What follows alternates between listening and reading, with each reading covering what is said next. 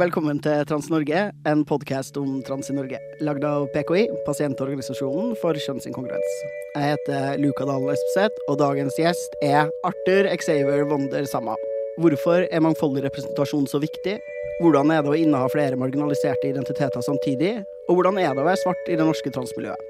Dette er bare noen av de spørsmålene du får svar på i dagens episode av Trans-Norge. Hei, velkommen, Arthur. Tusen takk Tusen takk for at du vil være med i podkasten.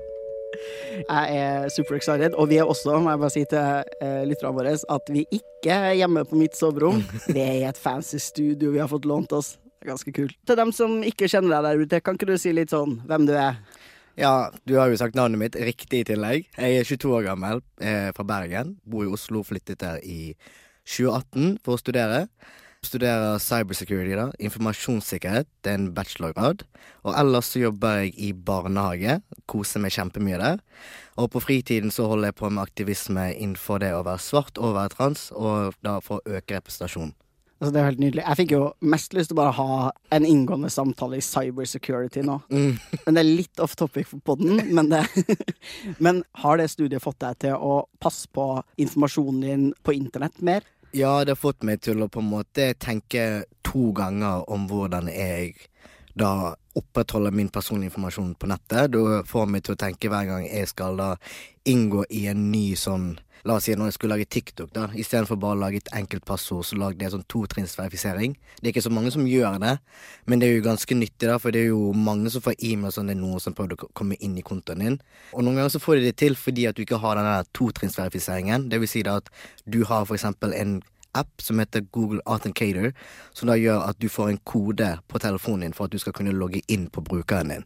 Uh, og hvis ikke personen har den koden, så får ikke de lov til å komme inn på brukeren din uansett hvor mange ganger de prøver å hacke deg, fordi at det er en sånn sikkerhet i tillegg til passordet ditt. da. Og det er mange som ikke bruker det, det er på samme måte som bank-ID, bare for sosiale medier.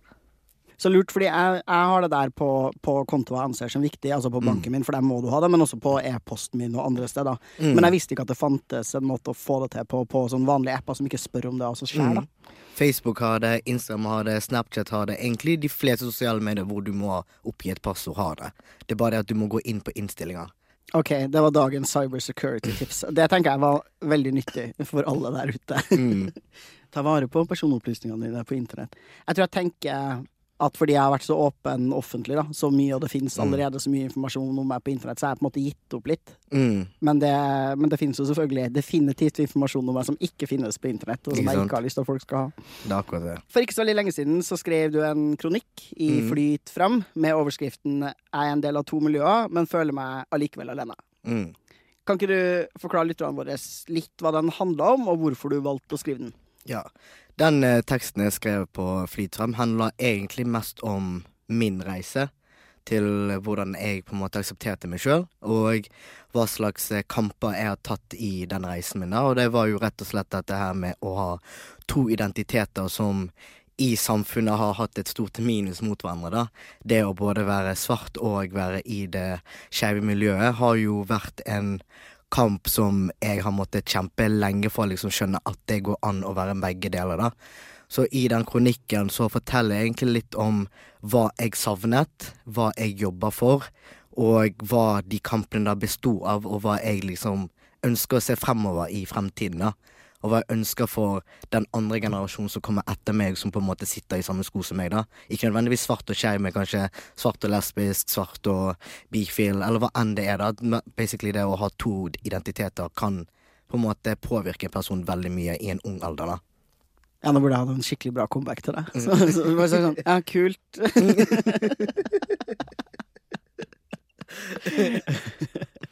For jeg tenker En del av de tingene som du peker på i, Mm. i den kronikken, handler nettopp om det her med representasjon. da Og du Mm. hadde en følelse av å ikke se deg selv representert, spesielt da i det skeive miljøet. Mm. Um, kan du bare fortelle litt om hvordan det var? Altså sånn her, Hvem var de skeive folkene du så? Var det bare hvite folk? Og hvordan var det å liksom ikke se seg selv, da?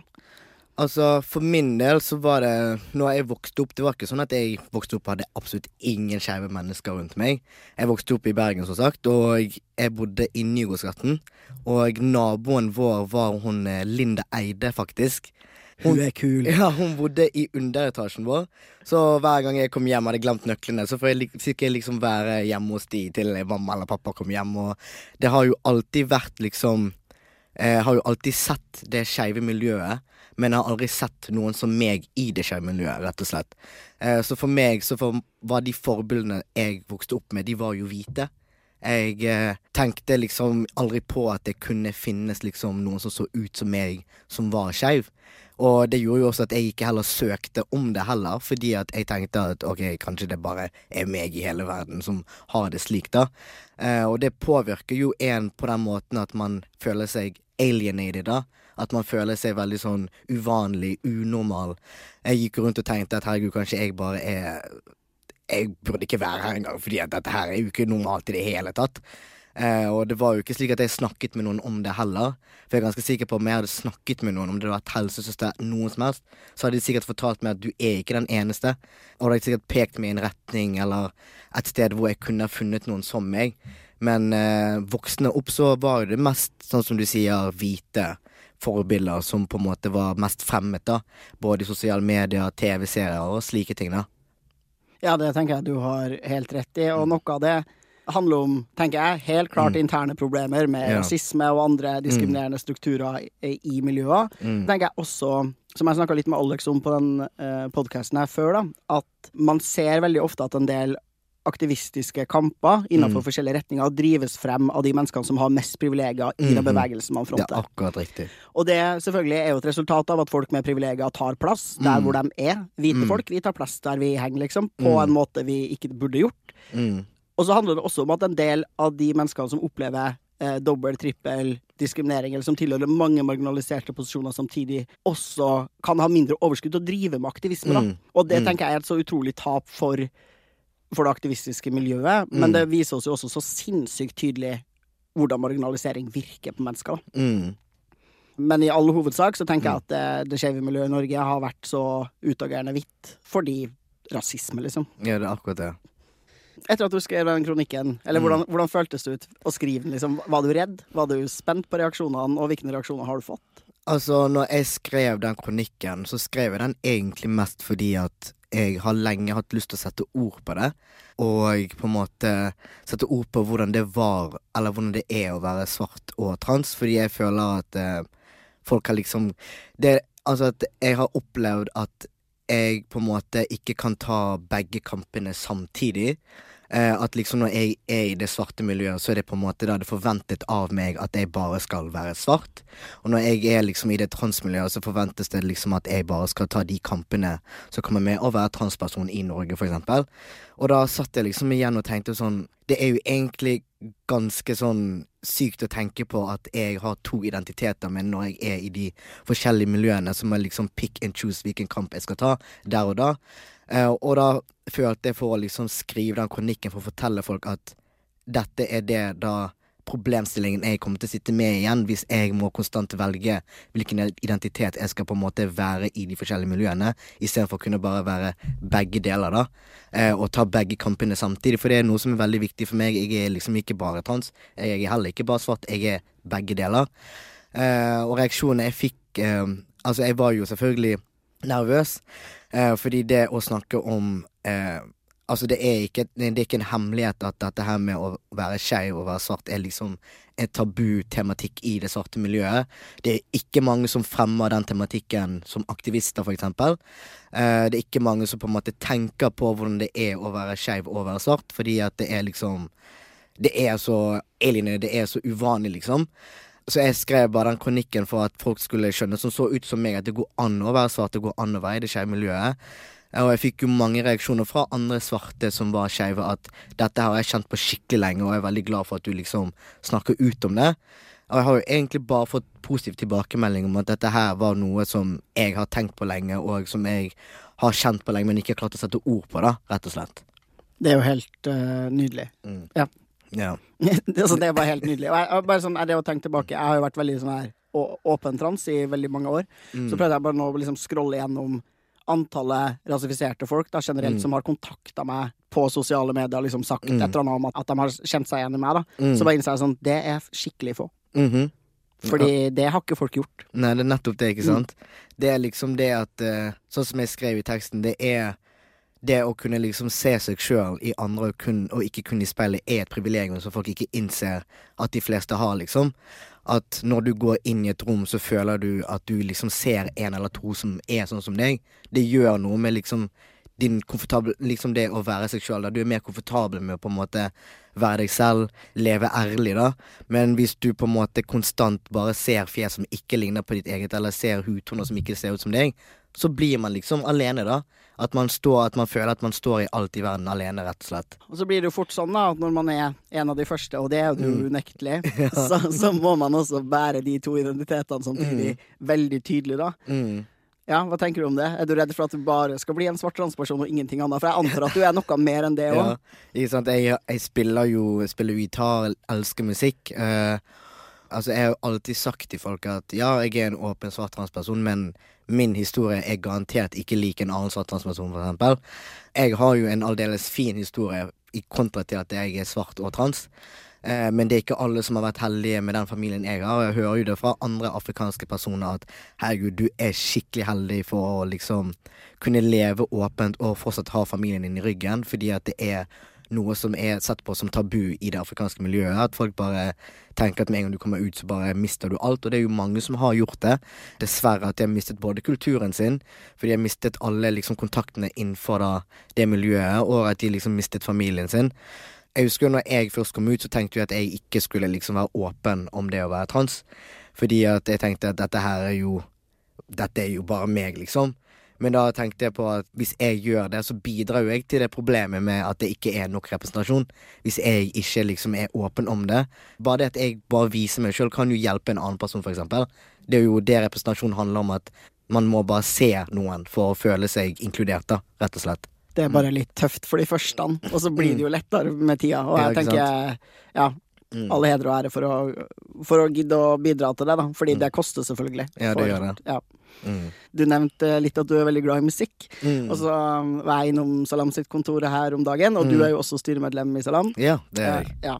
Da fikk jeg lov til å plukke med et eksemplar av den nye boka Mm. som du jo har bidratt til. Ja, kan ikke du fortelle bare om hva den boka er, og hva prosjektet er, og hva ditt bidrag er? Ja. Eh, prosjektet er jo da heter Skeiv, og i den boken så møter man eh, personer sånn som meg, som har da en skeiv identitet, men også en minoritetsbakgrunn.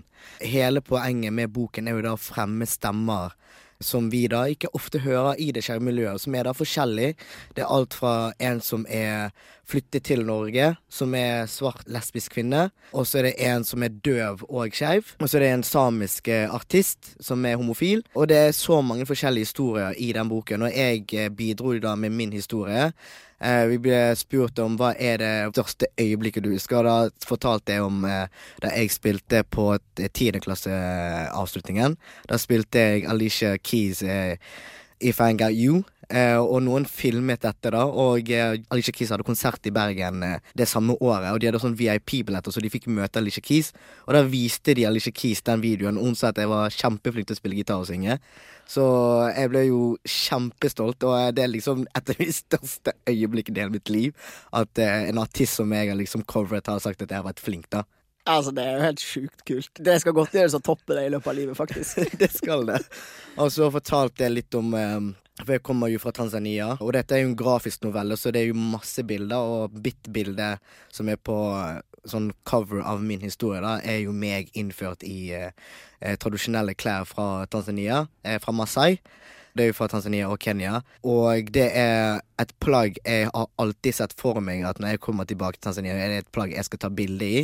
Eh, fordi min mor, når hun var på samme alder som meg, så tok hun bilde i de samme plaggene, og jeg har det bildet på telefonen hele tiden, for jeg syns det er et så fint bilde av henne.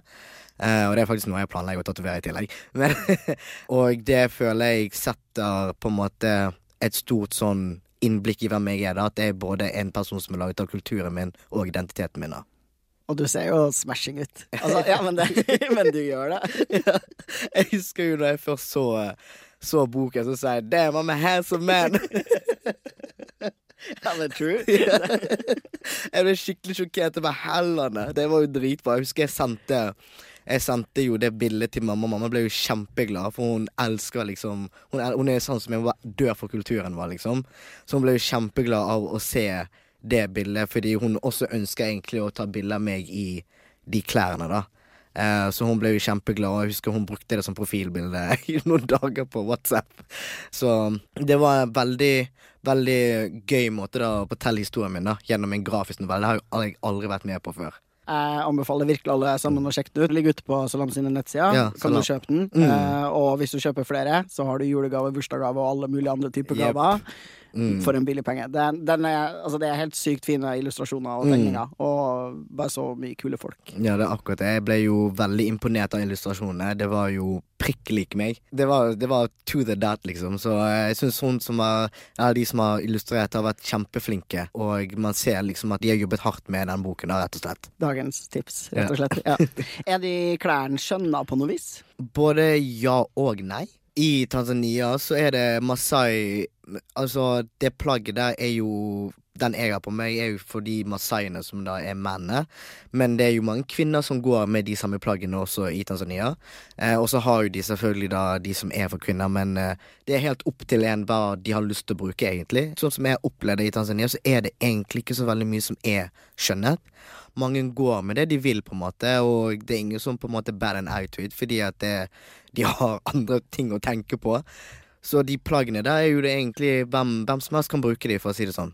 Så det er ikke sånn ultimat kjønnsbekreftelse-greie. Mm. Nei, det er ikke det. Mm. Bare tenk, ja, det her er en plattform som, som veldig mye transfolk hører på, da. Mm. Og sannsynligvis også noen transfolk som ser ut som deg. Mm. Jeg tenker jo mest på dette her da med å Jeg husker når jeg først kom ut Altså Jeg vet jo at det er sikkert en annen svart transperson som tenker det samme. At liksom der man gikk for å på en måte se etter representasjon, var USA. Eh, fordi det er jo kjempemange svarte transpersoner i USA som er åpne og eh, Som er stolte og på en måte er aktivister, da. Eh, og jeg vil jo bare egentlig si at eh, hvis man føler at man ikke har noen som ser ut som seg sjøl som man har i nærkontakt, så er det bare å ta kontakt med meg. Fordi jeg som oftest er, Jeg er ikke jeg, jeg, jeg, vet, jeg har hørt før at jeg virker kanskje litt skummel, men jeg er ikke det i det hele tatt. Jeg elsker å få nye kontakter, jeg elsker å ta kontakt med folk, og jeg elsker liksom å høre om andre historier som ikke er mine egne. Så er det liksom Det er bare til å sende en melding, enten om det er Instagram, eller om det er Facebook, eller om det er på PKI sine mailer, så er det bare å ta kontakt med meg, rett og slett. Hva heter du på Insta? Arthur.xss. Perfekt. Simple og veldig lett å huske. Ja, det er sant. Altså, jeg må bare si, du ser ikke skummel ut. Du har kanskje noen av de snilleste øynene jeg har sett i hele mitt liv. Sånn. Jeg ser liksom bare øynene dine sånn over mikrofonen. Jeg bare Å, du ser kjempehyggelig ut. Jeg husker jeg ble, jeg ble kjent med en, eh, en av mine nyeste kompiser, liksom. Og så plutselig bare ut av det blå så sa han Vet du hva, jeg er egentlig veldig glad for at du tok kontakt med meg først, fordi du er skikkelig intimidating. Og så tenker jeg sånn, hva er det jeg gjør for å være intimidating? Fordi jeg skjønner det ikke, men jeg har hørt det mange ganger før. Til og med samboeren min sa det, at eh, hun var litt sånn redd for meg i begynnelsen. Seriøst? Ja, så jeg, har ikke peiling på hva det er. Jeg har, hver gang så går jeg går, går rundt og konstant tenker på hva jeg kan gjøre annerledes da, for Men- ikke å være skummel. Bare for å anta ting om hvite folk. Altså, Er det liksom Er det hvite folk som bare generelt syns at svarte menn er skummelt? Liksom? Får du den viben av det, eller, Nei. eller er det liksom For han kompisen min er svart sjøl. jeg tror det er bare hele den med at veldig mange tror at aktivister skal være så veldig defensive hele tiden. Liksom At de skal alltid være liksom have the guard up, liksom. Men jeg er en av de som på en måte ikke har det i det hele tatt. Det er sånn, Du kan spørre meg all type spørsmål, jeg kommer til å svare på det, liksom. Jeg får også innimellom høre at jeg ser skummel ut. Og jeg Mm. tenker sånn, jeg tenker det er to ting. Det er én, at jeg er hard i debatter som folk har sett meg. Liksom. Nummer to, at jeg har stor nesering. Det kan liksom ikke være noe annet. Jeg er hva da, 1,58 høy, og liksom bare går rundt og er sånn veldig glad og smiler med caps, liksom. Jeg skjønner ikke. Mm. Ja, ikke sant? Man, man ser det ikke, men herregud, det er sikkert et eller annet. Men jeg tror det er også det der med at eh, når jeg er i debatt eller noe sånt, så er jeg veldig saklig og liksom Jeg har sånn på, det, på lik måte som deg, bare at jeg gjør det på en måte en sånn saklig måte at folk ikke klarer å si noe tilbake, på en måte. Så jeg tror det har noe med det også, at folk tror at jeg alltid skal liksom ta de på noe, og de ikke klarer å svare på det, da. Men jeg er en veldig koselig person. Jeg eh, ler hele tiden. Hele tiden. Det er bra. jeg tror folk tror da veldig ofte at aktivister er liksom At vi er veldig Mm. sinte hele tida, Ja, fordi det er det er mye det bildet folk ser av oss. Men også bare at folk tror at det å være tydelig er det samme som å være sint, da. Ja, det er akkurat det. Og det er det ikke. Mm. Men det er faktisk lov til. Det er for- det første lov til å være sint når man Mm. blir utsatt for diskriminering. Men det er også det. lov til å være, og fornuftig å være, tydelig i debatter når man Mm. én, vet hva man snakker om, og to, det du snakker om angår deg, da. Og Ja. er viktig for livet ditt, liksom. Det er akkurat det. Det er jeg helt enig i. Jeg har jo opplevd liksom i det siste at eh, når folk har på en måte snakket ut om ting de veldig, veldig stort brenner for, da, så har de liksom blitt møtt med 'du er så sint' og alt dette her. Og så tenker jeg bare sånn Den reaksjonen der føler jeg kommer oftest fra folk som ikke har lyst til å lytte. Som ikke har lyst til å lære, eller som ikke har lyst til å forstå det. Fordi jeg tenker at hvis det er det du fokuserer på, måten ting blir formidlet, istedenfor å fokusere på hva som blir sagt, så har jo du egentlig satt i standpunkt på saken og sagt at jeg har ikke lyst til å høre på hva du sier, så jeg heller går på personangrep og sier at eh, du er sint og du er aggressiv og det du sier eh, er helt forferdelig, liksom. Altså, sorry, men det der er den smootheste overgangen til, til noe jeg hadde tenkt å snakke om. Fordi mm. på slutten av den kronikken din så har du et sitat av Andrew Lord som er It is not our differences that divides us, it's our inability to recognize, accept and celebrate those differences. Mm. Som jo er Altså, Andrew Lord er jo et oppkomme av jævlig gode sitater. Mm. Det er nummer én. Altså, jeg har aldri yeah. sett noen som bare har så mange liksom sitater som er gode, da. Som yeah. funker liksom som alt som kraftfulle aktivistting, men også bare Mm. innimellom sånn her inspirational quotes. Det er gone crazy. det. Det er akkurat det. Det er akkurat det. Og jeg følte den quoten der passet perfekt inn i den teksten. For det er jo akkurat det den teksten handler om, at liksom Det er ikke forskjellene i samfunnet som gjør at vi kommer til å splitte oss. Det er at vi ikke klarer å se disse forskjellene. Og løfte de opp da i samfunnet, for det er jo forskjeller som gjør at vi blir bedre mennesker. At vi lærer om andre typer identiteter, at vi lærer om andre typer kulturer, at vi lærer om andre typer religioner, for eksempel. Det er ikke et samfunn hvor man bare ser én og samme liksom, historie. Det er ikke et samfunn som kommer til å fungere så veldig bra, rett og slett. Så det er jo vår oppgave å på en måte anerkjenne disse forskjellene, og anerkjenne at de er der for å gjøre miljøet og samfunnet vårt bedre, rett og slett. Kunne ikke vært mer enig. For det, det, her, det her er overgangen. Det skal liksom gå over til det du snakka om å være sur, fordi eh, da fant jeg et quote da, som jeg syns var så jævlig bra. Mm.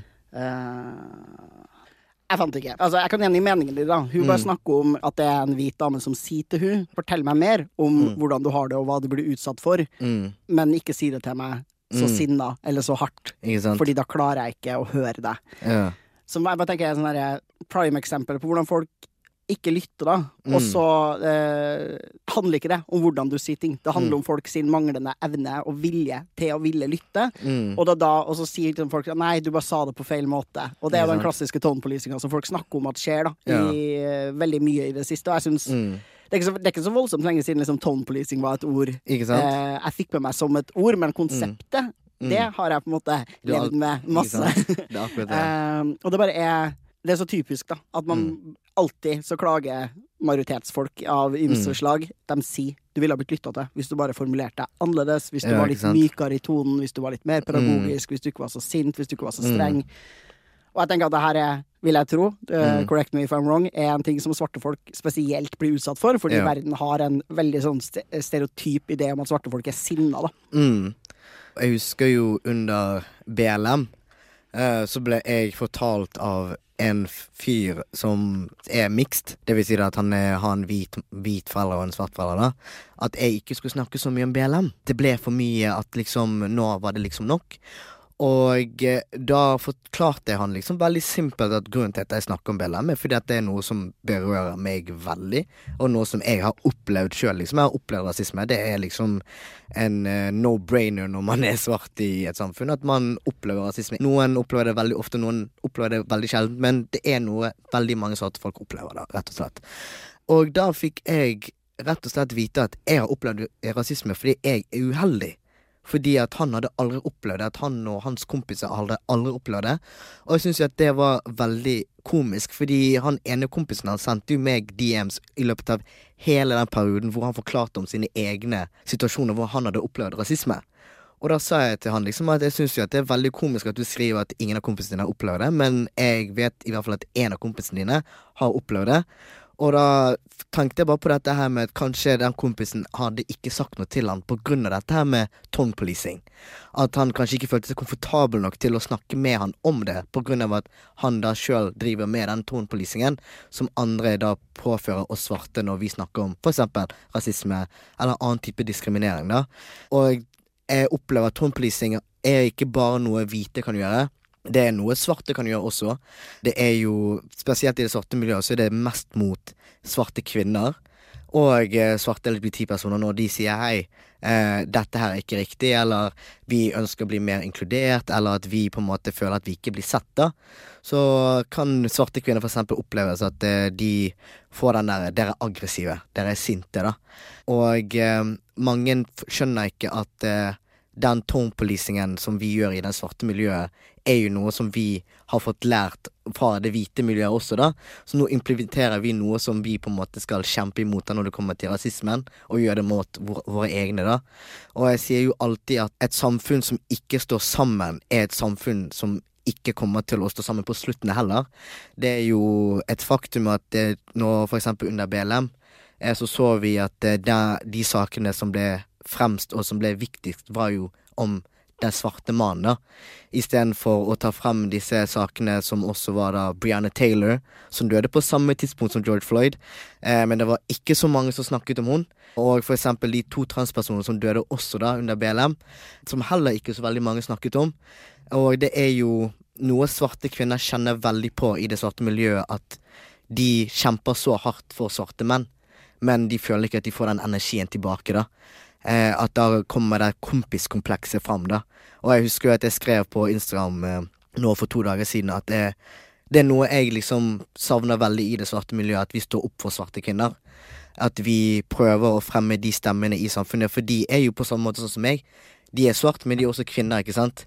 Og når du ikke blir da fremmet i feministkampen så like mye, så må vi steppe inn og gjøre noe i det svarte miljøet, men der feiler vi også, ikke sant? Så da står jo svarte kvinner også i to miljøer, men alene for det om, da, føler jeg. Og da skrev jeg basically at jeg savner å se den kompismentaliteten mot svarte kvinner i det svarte miljøet, rett og slett. Mm. Og det du peker på der, er jo et problem i veldig mange aktivistmiljøer. Mm. Som er at noen er litt sånn her Ja, men noen må bakover i køen, liksom. For Ja. det, her må, det her må komme først. Det her er det Mm. viktigste. Og så er det tilfeldigvis dem som innehar mest privilegier, som alltid kommer først, da. Jeg tenker at enhver frigjøringskamp tar lengre tid, da. Ja. Hvis ikke alle er med fra begynnelsen av. For da blir man litt sånn her Ja, man ser det på LHBT-kampene så tolv år, Mm. da så var det sånn her Ja, OK, det var hvite menn først, og så var det liksom hvite damer. Mm. Eh, og så må alle andre stille seg i kø. Mm. Og så kommer man liksom nå og er sånn her overraska over at transfolk er en del av LHBT-miljøet. Jeg sånn Ikke her, sant? Men svarte transdamer var i front da det starta, liksom. Nettopp, ikke sant? Og så bare har man ja, whitewasha, Mm. ciswasha den historien så sinnssykt, da. Fordi man bare tenkte at det var strategisk lurt, eller man Ja. måtte gjøre det her først. Og det tenker jeg er Men nei, man må ikke det. Nei, man må liksom ta alle sammen når man har den kampen, fordi jeg føler at personlig så ser ikke jeg hvordan man skal på en måte da fremme en sak som står for å inkludere At man skal vil bli inkludert i samfunnet, at man ikke skal bli diskriminert, men så står man ikke heller opp for alle de gruppene innenfor det samme miljøet. Fordi da sier dere basically at ok, denne gruppen her, det er de som må først, og så tar vi resten etterpå. Det er ikke sånn det funker, fordi at da gjør man egentlig aktivismen ve veldig half-assed, fordi at majoriteten ser jo på da liksom det miljøet og sier at ok, dere mener da at dere er viktigst, og de er ikke det. Så da får jo den gruppen mer respekt enn den andre gruppen, og det er jo det som er veldig mye av det problemet jeg føler da med å være to identiteter, at man ser liksom at mange av disse kampene må man stå i alene og ta de kampene, liksom. Fordi at man kan ikke sitte og vente på at andre skal ta den kampen for deg. Og det er jo ekstremt tungt, og ikke minst bare veldig demotiverende da, å være åpen og være synlig, da. At man føler at eh, på slutten av dagen så er det kun deg som på en måte står alene i fronten, da. Fordi at eh, alle andre tenker på de som har mest privilegium da i det samfunnet, og det er det som, i det miljøet, mener jeg, som da kommer frem oftest, da. Og husker jo at dette var et samtaleemne jeg hadde med veldig mange svarte kvinner under BLM, at de på en måte var sliten av å hele tiden på en måte føle at eh, deres stemmer alltid kom sist i køen, eller på en måte på andreplass når utfattelig mange svarte kvinner har blitt drept i USA, for eksempel, og at på en måte det ikke ble satt lys på da i BLM, det var veldig mange som var veldig skuffet over det, at det, det var på en måte sjansen de hadde for å fremme svarte kvinner i tillegg, men den sjansen ble ikke tatt, rett og slett. Hvis man står opp for én, så må man liksom stå opp for alle, føler jeg, da. Eh, Det hjelper ikke å bare stå opp for én type identitet, for da glemmer du så mange. Ja, og det som også fort skjer, da, er at altså, når man utvider hvem det er som er innafor, og hvem det er Mm. som får privilegier og respekt i samfunnet, så fører jo det bare til ytterligere marginalisering av dem som havner utafor der igjen. Er Da er det det. liksom Ja, du er bare så left behind, da. Mm. Og da er det også færre folk til å være med og aktivt kjempe kampen på et vis, da. Det Ja. er litt sånn som man ser sånn hvite homofile og lesbiske i Mm. Norge som bare Hvor er dere i transkampen, og hvor er dere i antirasismen, liksom? Ja, det er nettopp det. Fordi dere har fått så mye privilegier nå, dere, at dere Mm. trenger ikke bry dere lenger. Det er nettopp sant. Ikke sant? Det er jo det jeg mener, liksom at med en gang på en måte noen har fått de rettighetene de føler for, så setter de seg til ro. Istedenfor å tenke shit, jeg har folk i mitt samme miljø som ikke har de samme rettighetene som meg ennå. Eh, vi ser jo det bare nå med KrF. Eh, det faktum at KrF kan plutselig komme og si at ja, folk er barn skal ikke få behandling. Og så er det de første som reagerer, er transpersoner, fordi det er noe som påvirker oss. Men jeg savner å se det skjer miljøet da reagerer på samme måte, istedenfor bare å si sånn Ja, det er jo forbanna synd, liksom. Men hvor er den støtten vår, da? Vi har jo støttet dere gjennom alle kampene, og nå trenger vi litt støtte tilbake, og så er det liksom sånn transpersoner er i fronten hver gang. Vår eksistens er konstant en, liksom et samtaleemne, uansett hvor det er, liksom. Eh, og det fører jo da til at eh, når vi snakker om skeive rettigheter, så må vi plutselig snakke også om transrettigheter som en, en sånn skille, da. Fordi at det har blitt et skille fra starten av når det gjelder skeive rettigheter, istedenfor at transrettigheter ble med i skeive rettigheter, liksom.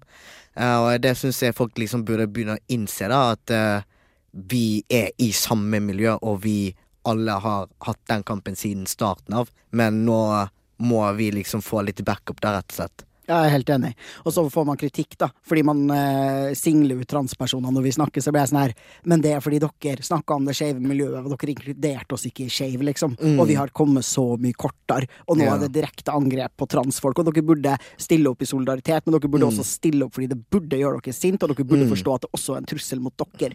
Hvis vi får et samfunn som er genuint mer negativt og fiendtlig innstilt til transfolk, så er det selvfølgelig et samfunn som også er mer homofobt. De tingene her henger sammen, liksom. Ja, det er akkurat det. Det er, liksom, det er lettere å begynne med det marginaliserte samfunnet enn å begynne med det som er størst. Og det er det folk ikke ser, at hvis de får inn den tankegangen med transpersoner, så, så er det ekstremt lett å få den tankegangen inn med det skeive miljøet. Rett og slett at folk ikke ser at liksom det begynner et sted. Det er et sted de kommer til å liksom så det frøet, da. Og det kommer jo til å vokse, og det kommer til å gå over til lesbiske homofile.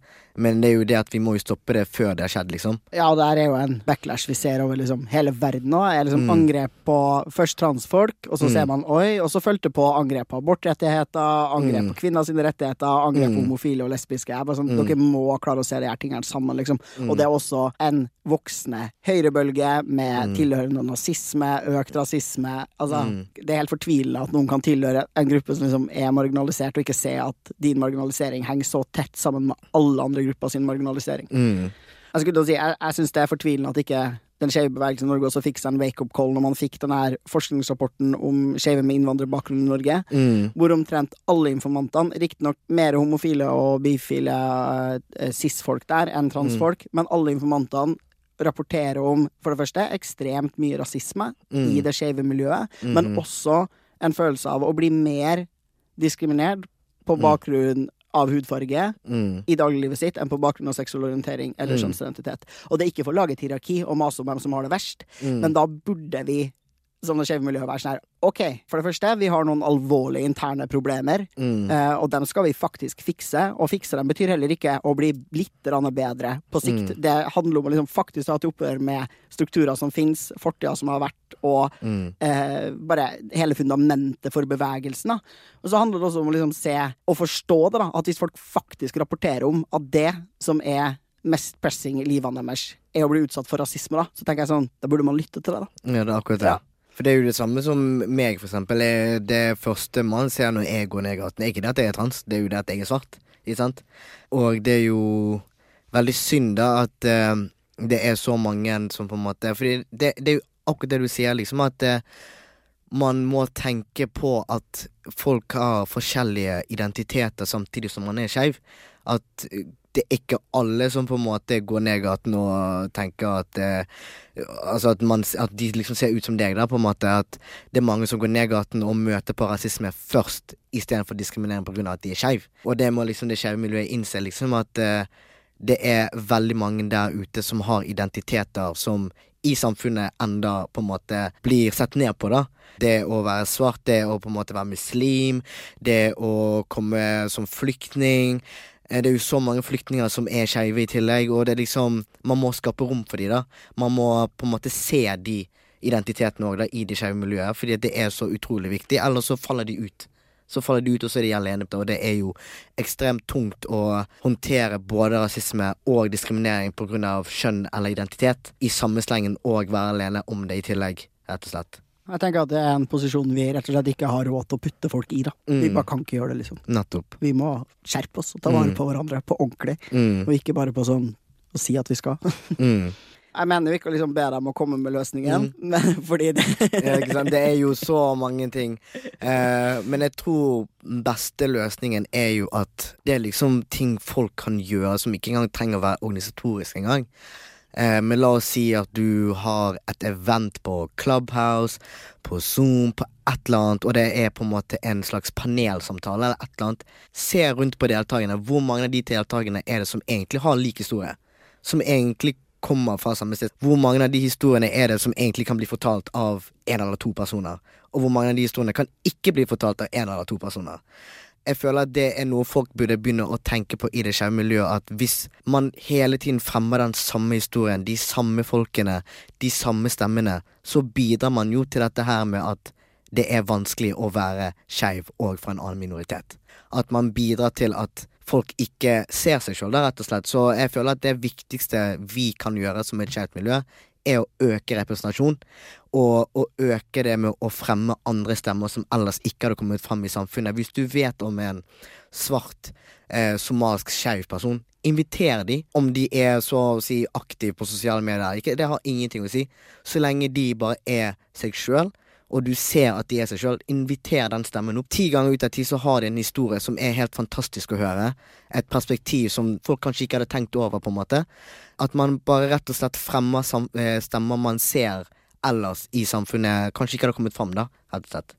Ja, for nå føler jeg litt at den skeive bevegelsen er på det punktet hvor vi liksom vi som er hvite i den, og som Mm. utgjør majoriteten i den kjempebevegelsen, bare har vært sånn Ja, ok, ja, vi må ha litt mer fokus på rasisme og sånn. Så det er sånn Mm. ok, vi lager et panel om rasisme, og så Ok, ja, vi må invitere noen rasifiserte folk til et panel om rasisme. Og så Mm. bare ser jeg sånn her Ja, påtagelig mangel på Mm. rasifiserte folk i paneler som handler om andre ting, da. Det er akkurat det. Og det er sånn, ja, men da, da reduserer du jo rasifiserte Mm. folk til mennesker som blir utsatt for rasisme, og det Mm. er det eneste de liksom kan snakke om, da. Ja. Uh, og det, det Ja. Så der Jeg har vi et stykke å gå ennå, ja, det er liksom bare det å inkludere Altså at du må tenke på at rasifiserte mennesker skal ikke bare snakke om det å bli eh, utsatt for rasisme, da. At de har så mye annet å komme med på bordet når det kommer til det å være skeiv.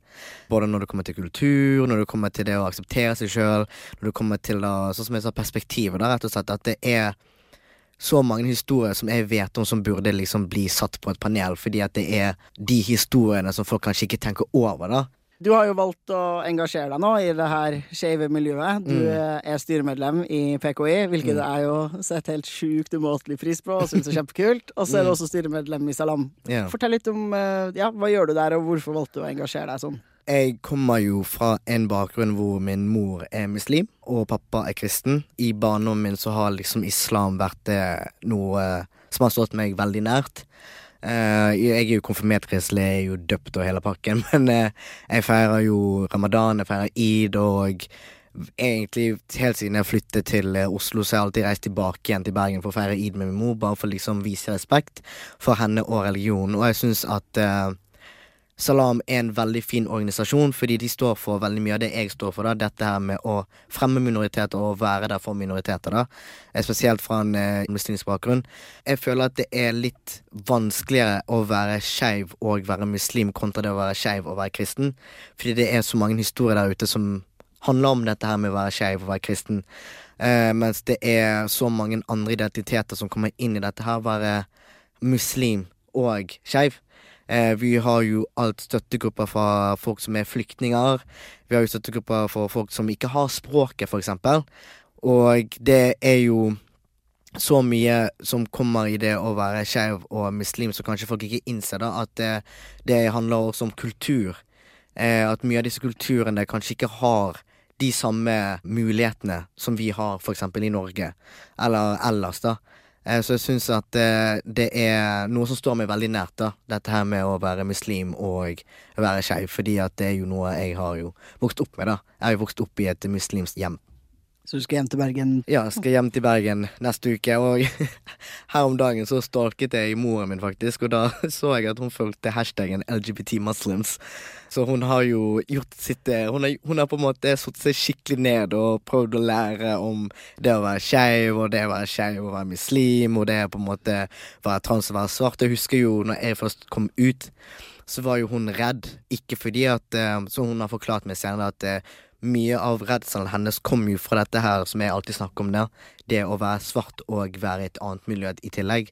At hun var så redd for at jeg skulle møte på dette med dobbeltdiskriminering. At hun var så redd for at jeg skulle stå i det alene, og at jeg ikke kom til å ha folk eh, rundt meg da som kunne støtte meg.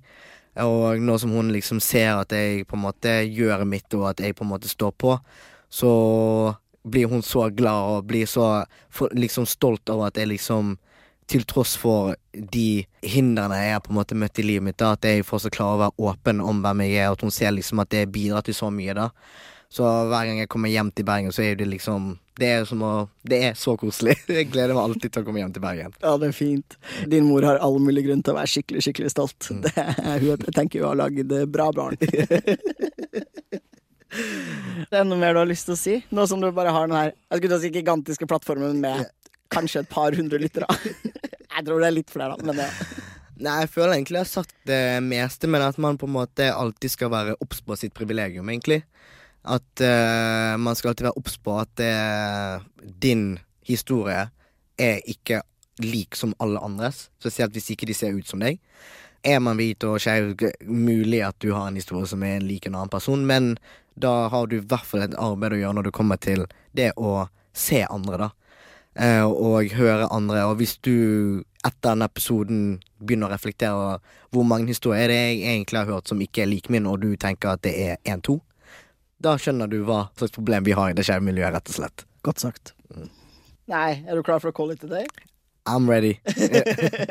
ready as can be. Mm. Ok, Arthur, det var helt sykt fint å ha deg i poden. Jeg håper du vil komme tilbake på en senere anledning. Selvfølgelig, og tusen takk for at jeg fikk bli med i dag. Jeg. Ja, Det er bare kult, og jeg lover å invitere deg for å snakke om noe helt annet enn rasisme en eller annen gang. Jeg lover, faktisk.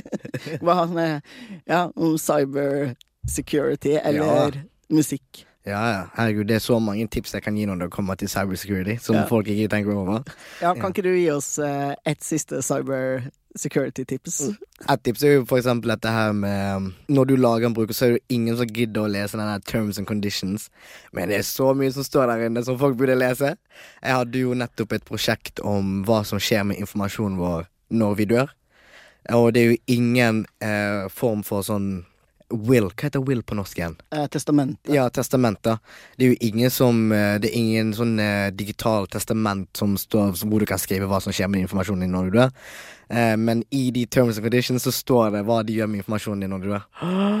Og noen av de eier jo den informasjonen uansett hva du gjør. Eh, og det har, har, jo vi liksom kommet fram til at det beste du kan gjøre, er egentlig å gi alle passordene dine og alt sammen til en du stoler veldig mye på, så kan gå inn på kontoen din og bare slette alt. For ellers kommer du til å være der for alltid.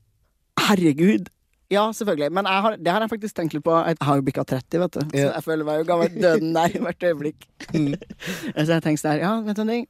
Samboeren min må faktisk ha passordene mine, liksom. Mm. Fordi hvis jeg dør, så vil jeg jo at hun skal ha tilgang til kontoene min og kunne liksom ja, ting. Det er akkurat det, fordi det er ingen som, eh, som, gjør det. Og det er sånn type sånn for eksempel Folk tenker kanskje ikke på PayPal, Zalando, eBay. De også. De eier all informasjonen din når du dør, så passord og e-mail til absolutt alt. Eh, så får folk gå inn og slette det, fordi til og med jeg gidder ikke å lese de terms and conditions.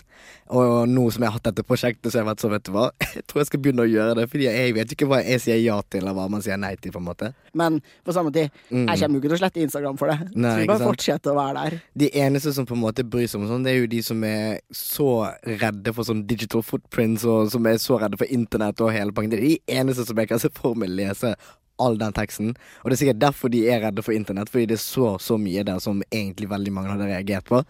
Uh, så liksom neste gang du tenker på at herregud, folk er helt crazy som på en måte blir så opprørt over internett, ja, da les terms and conditions, så tror jeg du havner på akkurat samme sted. Altså, jeg, jeg, jeg tror det. Mm. jeg har en stygg mistanke om at du har, jeg har rett. ja. Ok, der føler jeg var en bra tech support-episode. mm, det var det. Så uh, hi. Tusen takk for at du var med oss i dag. Jeg heter Luka Dalen Espeseth. Takk til Martin Skjold for den nydelige Trans-Norge-musikken. Takk til Salam for at vi får låne utstyr til å ta på denne podden. Det trenger jeg ikke å ha med lenger, fordi jeg har fått mitt eget utstyr over uh. studio. Men takk til Salam fordi Salam eksisterer. Følg eh, Trans-Norge på Spotify, eller der hvor du lytter på podkaster, utenom Apple Podcast-appen, som nekter å spille av mine episoder, men alle andre apper får det til. Spre ord om podkasten hvis du liker den, og følg PKI på Facebook og Instagram. På Instagram heter vi pki.norge. Og meld deg i PKI på nettsiden vår www.sjonsinkongruens.no. Den! Å, herregud, jeg svetter hjernen.